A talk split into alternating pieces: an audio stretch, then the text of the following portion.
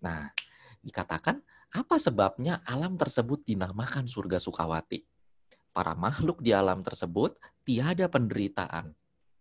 Jadi tidak ada penderitaan, makanya disebut sebagai surga Sukawati. Kegembiraan yang sempurna. Karena yang ada di dalamnya, para makhluk hanya merasakan berbagai kegembiraan dan kebahagiaan.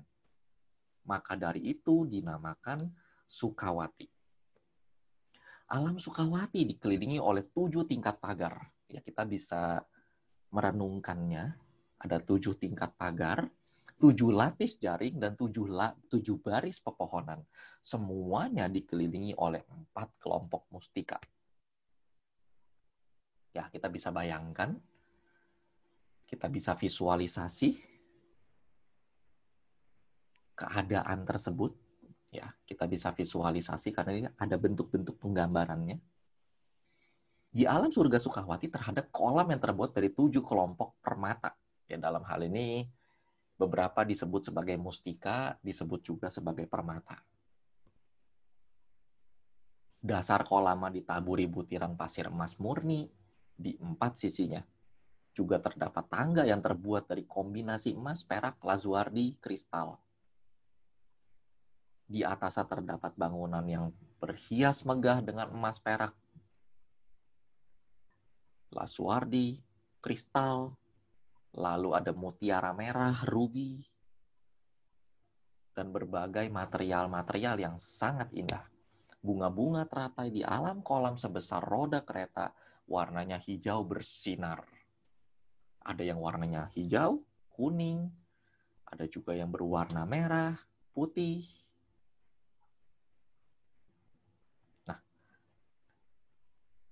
alam surga Sukawati ini adalah alam di mana tempat orang untuk mencapai tingkatan pahala dan kebajikan yang sempurna. Tentunya, seseorang yang bisa bertekad untuk bisa terkondisikan berada di surga Sukawati, ini bukanlah orang-orang sembarangan. Nah, di sini yang terjemahan ini, kalau yang di terjemahan lain, eh, kalimat itu lebih diterjemahkan bahwa perwujudan alam surga Sukawati ini merupakan suatu hal yang sangat eh, mengagumkan atau sangat amazing lah gitu ya.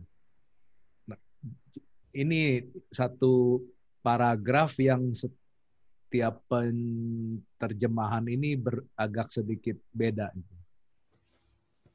Ya kan di sini kalau yang terjemahan ini ditulisnya Sariputa, alam surga Sukawati mencapai tingkat pahala dan kebajikan yang demikian sempurna, megah dan agung. Bukannya untuk tempat hanya orang yang sudah ini, tapi kalau dari terjemahan yang lain saya nangkepnya ini ini alam ini ini luar biasa. Itu yang saya nangkap dari terjemahan yang lain. Jadi Sariputra alam ini ini luar biasa segitu. Uh, demikian sempurna, megah dan agung. Ya, betul sekali, Pak.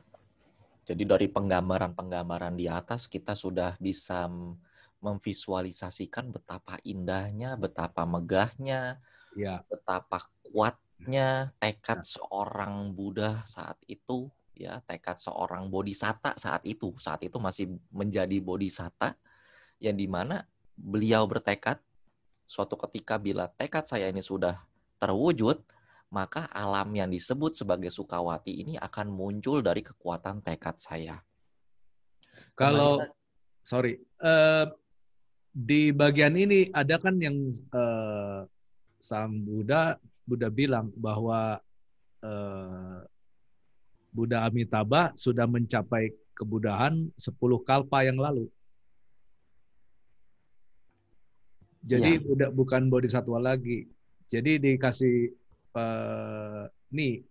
Jadi 10 kalpa yang lalu Buddha Amitabha sudah menjadi Buddha dan sudah ada Sukawati dan di, uh, dari salah satu penjelasan saya dengar terjemahan mustika, permata dan sebagainya itu juga setiap terjemahan beda-beda. Tapi intinya alam itu sangat indah gitu. Jadi digambarkan terbuat dari berbagai permata yang mana terjemahannya setiap terjemahan menerjemahkan jenis-jenis permatanya beda-beda, tapi intinya itu berkilauan dan indah. Kemudian eh, nama-nama burungnya juga nanti dijelaskan juga namanya beda-beda, tapi intinya hmm. itu ada burung-burung yang diciptakan dan itu indah. Intinya indah aja dah gitu. Iya, betul nah. sekali, Pak. nah, di pagi hari ini makhluk-makhluk alam tersebut masing-masing memberikan persembahan jubah, berbagai bunga kepada 10 triliun Buddha di berbagai penjuru dengan penuh ketulusan. Nah, itu. Ini banyak sekali ternyata Buddha yang ada di sini. Iya. Cuma satu ya termasuk para Buddha, para Paceka Buddha, Sawaka Buddha, juga para Bodhisatwa, Mahasatwa, dan lain-lain. Semua yang bertekad untuk mencapai pencerahan di alam ini, semuanya disebut dengan Buddha. Kenapa? Karena memang punya tekad untuk mencapai pencerahan di alam itu. Dan di alam itu, di alam tersebut, di alam Sukawati ini, seseorang ini ibarat sudah berlari, sudah melihat garis finish. Jadi dia tidak mungkin balik arah ketika seseorang sudah berlatih, bertekad untuk terlahir atau untuk terkondisikan berada di alam itu, maka ya garis finishnya yaitu mencapai kebudahan sudah di depan mata. Jadi tidak mungkin lahir lagi di alam mana pun juga gitu. Tidak mungkin lahir di alam mana pun juga. Konsep uh, ini sama seperti Sudawasa. Kalau nggak salah, yang nggak mungkin lahir itu di alam tiga alam jelek itu, di alam bawah itu ya. Ya.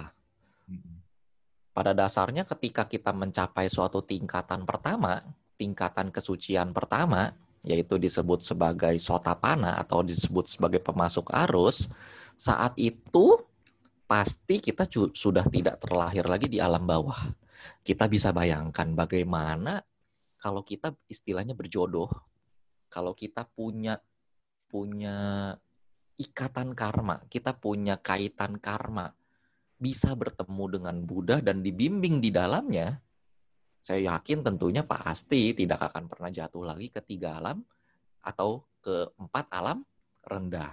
Tiga alam rendah ini kecuali neraka. Empat alam rendah yaitu termasuk neraka.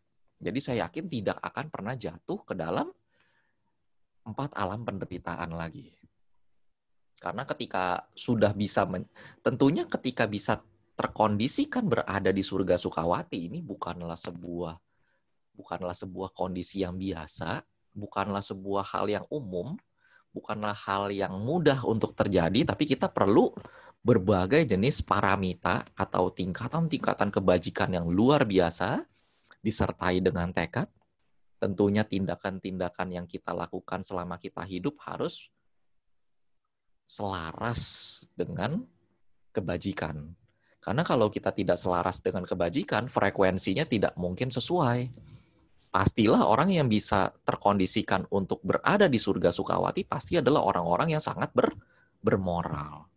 Sehingga di alam tersebut, di surga Sukawati tersebut, mereka bisa melatih kembali kebajikan-kebajikannya, parami-paraminya dikumpulkan kembali, sehingga bila nanti kualitasnya sudah terpenuhi, saat itu akan menjadi Buddha di alam tersebut.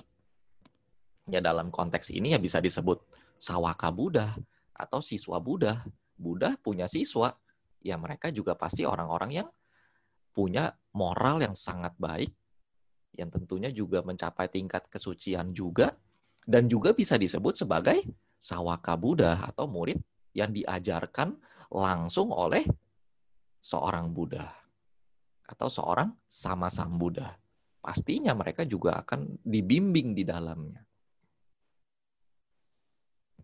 Nah ini kembali lagi ada penggambaran-penggambaran, ada suara-suara yang indah, yang mengumbangkan lima akar kebajikan yang menghasilkan lima kekuatan. Nah, di sini ada kata lima kekuatan. Lima kekuatan ini salah satunya adalah kekuatan yang yang membangkitkan semangat, yang membangkitkan perhatian, yang membangkitkan keyakinan, yang membangkitkan kekuatan konsentrasi, dan lain-lain. Jadi ada lima akar kebajikan, menghasilkan lima kekuatan, lalu tujuh kesadaran agung. Tujuh kesadaran agung ini di dalamnya ada kekuatan perhatian lagi, disebutkan. Lalu ada ada kemampuan untuk menganalisis dharma, untuk menganalisis berbagai fenomena-fenomena dharma. Lalu ada kekuatan semangat lagi disebut di situ. Lalu ada kekuatan kebahagiaan, bagaimana cara untuk membangkitkan kebahagiaan dari perbuatan baik. Lalu ada kekuatan ketenangan di dalamnya. Jadi tujuh, tujuh kesadaran agung atau biasa disebut dengan sata bojangga ini, inilah yang akan membuat orang orang biasa mencapai tingkat kesucian. Karena hal-hal penting di dalamnya seperti ketenangan, seperti semangat, seperti perhatian, seperti daya analisis terhadap dharma, semuanya dibangkitkan.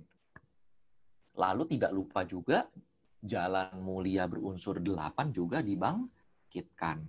Kembali lagi ketika kita berbicara jalan mulia berunsur delapan, kita akan berbicara lagi mengenai kekuatan konsentrasi, kekuatan perhatian, kekuatan keyakinan, kekuatan kebajikan lagi, kemoralannya sebagai dasar yang akan diperkuat lagi. Kembali lagi, hal-hal itulah yang merupakan repetition. Hal-hal yang dilakukan secara diulang-ulang hingga akhirnya kekuatan-kekuatan tadi yang sudah disebutkan berkali-kali tadi itu menjadi sesuatu yang menjadi sifat bukan lagi menjadi wacana bukan lagi sebuah hafalan tetapi menjadi sifat bagi orang yang mengucapkannya bagi orang yang mempraktikannya. Ya. Jadi di sini yang saya nangkap eh, di Sukawati ini banyak burung-burung yang indah yang setiap hari enam kali menyerukan uh, dama dama-dama tersebut ya. Betul sekali. Ya, seperti kalau di sini kan lima kali asan, kalau di sana enam kali. Sana enam kali. Nah, isinya saya dapat uh, pernah baca lima akar itu keyakinan, daya upaya semangat, kemudian mindfulness, samadhi. Mindfulness itu apa ya bahasa Indonesianya? Mindfulness. Konsentrasi. Uh, samadhi kan? Kewaspadaan. Apa? Ya. Kewaspadaan betul sekali. Ya. Perhatian dan kewaspadaan ya yang selalu sadar ya, selalu tahu apa yang ya, keluar di pikiran, uh, uh, yang ngejaga gerbang dan sebagainya itu mindfulness dan konsentrasi dan wisdom, kebijaksanaan, pengertian. Itu lima akar. Kekuatannya juga sama, kekuatan keyakinan, semangat, kewaspadaan, konsentrasi. Keyakinan. uh, uh, ya, keyakinan, semangat, perhatian, ya konsentrasi samadhi dan kebijaksanaan pengertian betul sekali nah. Lalu yang tujuh itu adalah apa eh, ada perhatian? Kalau yang saya baca ini yang tujuh faktor itu pertama adalah memilih eh, dharma lalu mengembangkannya dengan sangat eh, tekun figures figures tuh ini ya apa dengan semangat ya memilih dhamma lalu dengan semangat mengembangkannya lalu eh, ada kesenangan dalam Betul. pengembangan itu kebahagiaan lalu me, mengalah ke, mengalahkan delusi yang kasar hmm. meninggalkan delusi yang halus, hmm. Kemudian canda, Betul iya, terus samadhi, konsentrasi yang benar, main kewaspadaan lagi, mindfulness itu tujuh. Jadi yang samadhi dan mindfulness di semuanya selalu diulang-ulang. Jadi mesti Betul. belajar meditasi ini. Betul sekali. Ah. dan ini kalau yang keyakinan dan semangat juga itu diulang-ulang. Keyakinan. Iya, diulang lagi. Iya. ya, Ki. Kalau nggak yakin, udah lo stuck. Bisa. iya. Keyakinan. Bahasa Indonesianya iman. iman dan takwa. Iya. Kalau nggak ada keyakinan, nggak ada tekad. Betul sekali. Iya. Iya. Memang kelima hal ini, yang lima kekuatan itu ada dalam bahasa yang belum diterjemahkan disebutnya sada saat uh, sada sati wirya. Ya sada sati wirya kuncinya di situ. Ada keyakinan ada kekuatan perhatian ada kekuatan semangat ada kekuatan samadi dan ada kekuatan kebijaksanaan. Itu tidak boleh lupa. Ya juga dan, di dalam terus terus juga di dalam tujuh kesadaran agung yang disebut Sata Bojangga, itu di dalam ada sati, dhamma wicayo, wirya, piti, canda. Ada kekuatan perhatian, ada penyelidikan terhadap dharma. Jadi dharma ini tidak cuma diterima. Keyakinan ini bukanlah sesuatu yang diterima, tetapi sesuatu yang diterima lalu dibuktikan. Jadi kita hanya sekedar menerima sesuatu, hanya sekedar menerima teori, hanya sekedar ya. mendengarkan katanya, ternyata itu tidak membuat kita menjadi menyelidiki kebenaran dari dharma itu. Nah, Buddha pasti memberikan sebuah kata yang dirangkum menjadi ehipasiko, yaitu kita harus menyelidiki sesuatu tentang kebenaran dharma pun harus diselidiki. Jadi yang benar pun harus kita selidiki. Bukan Artinya, percaya buta, bukan, bukan keyakinan buta bukan keyakinan buta. Ya, itu malah salah pandangan kalau orang keyakinan buta.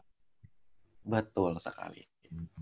Setelah melakukan penyelidikan terhadap dharma, setelah melakukan penyelidikan terhadap fenomena-fenomena duniawi ini, tentu harus muncul semangat. Karena biasanya banyak orang setelah melakukan penyelidikan terhadap dharma, melihat kenyataan, melihat realita, mereka jadi malah berkecil hati, ada juga yang jadi malah takut, ada jadi yang malah Malas. tidak mendapatkan ya tidak mendapatkan manfaat jadi males, jadi merasa merasa atau merasa sudah cukup oh ya udah percaya ya, aja deh. Betul, seakan-akan ya. bisa diterima dengan dengan teori.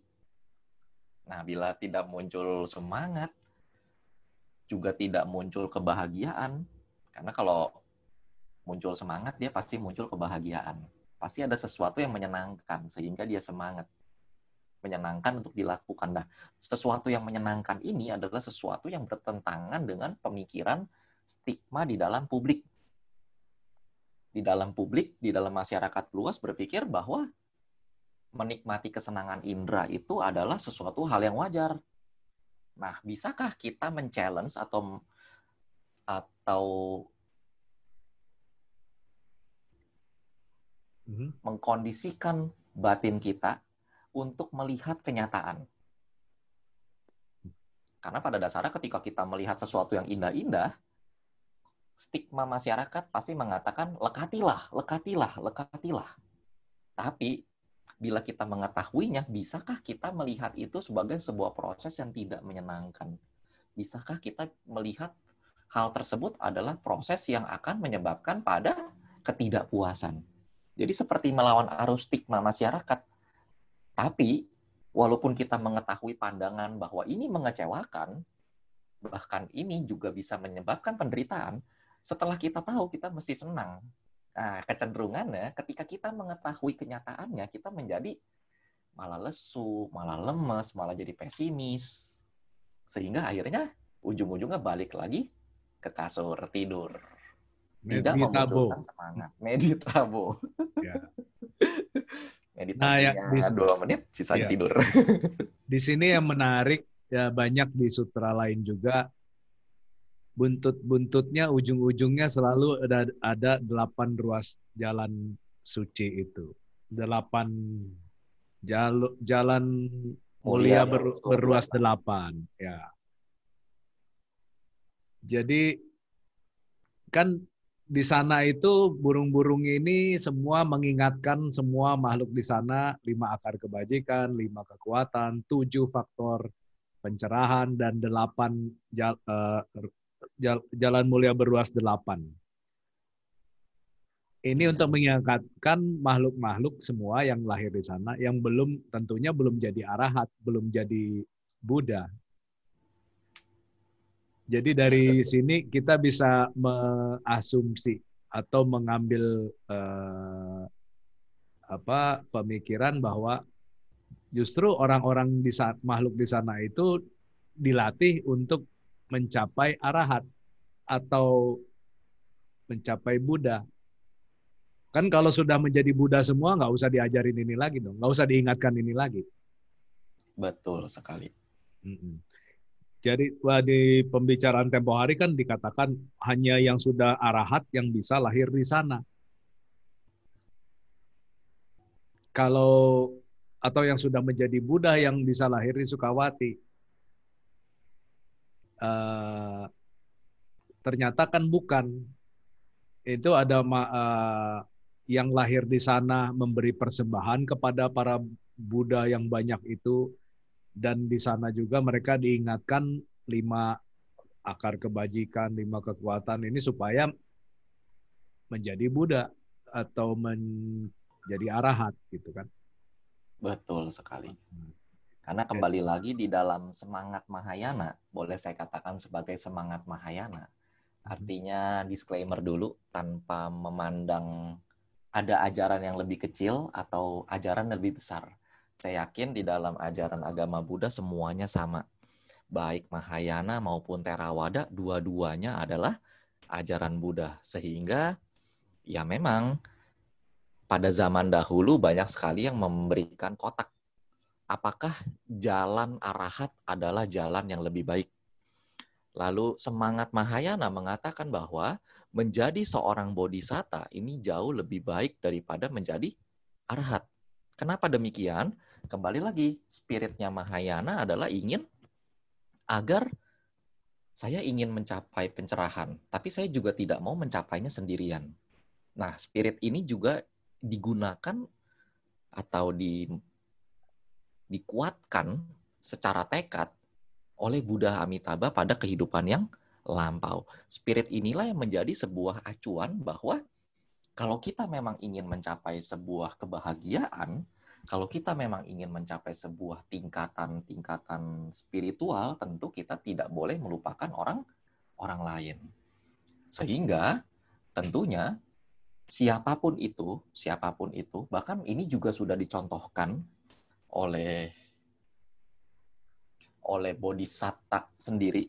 Saat itu bodhisatta di kehidupan yang lampau pada dasarnya sudah bisa menjadi seorang arahat. Pada dasarnya parami yang dia miliki, parami yang beliau miliki, pada dasarnya sudah bisa mengkondisikan beliau untuk mencapai kearahatan. Tapi pemuda Sumeda ini, pemuda Sumeda ini bertekad, saya juga mau menjadi seorang Buddha. Artinya ada keinginan yang lebih luhur dari dari sekedar menjadi arahat saat itu. Walaupun memang ini harus dibayar mahal, yaitu harus melatih kembali parami dan kebajikannya untuk melihat kembali, untuk mengalami kembali melihat kembali, mengalami kembali, mengetahui kembali.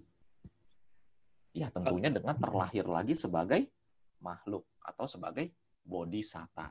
Ya, tentunya kelahiran ini sangat banyak. Kelahiran-kelahiran inilah digunakan oleh bodhisatta untuk mengumpulkan kembali parami untuk menjadi seorang Buddha.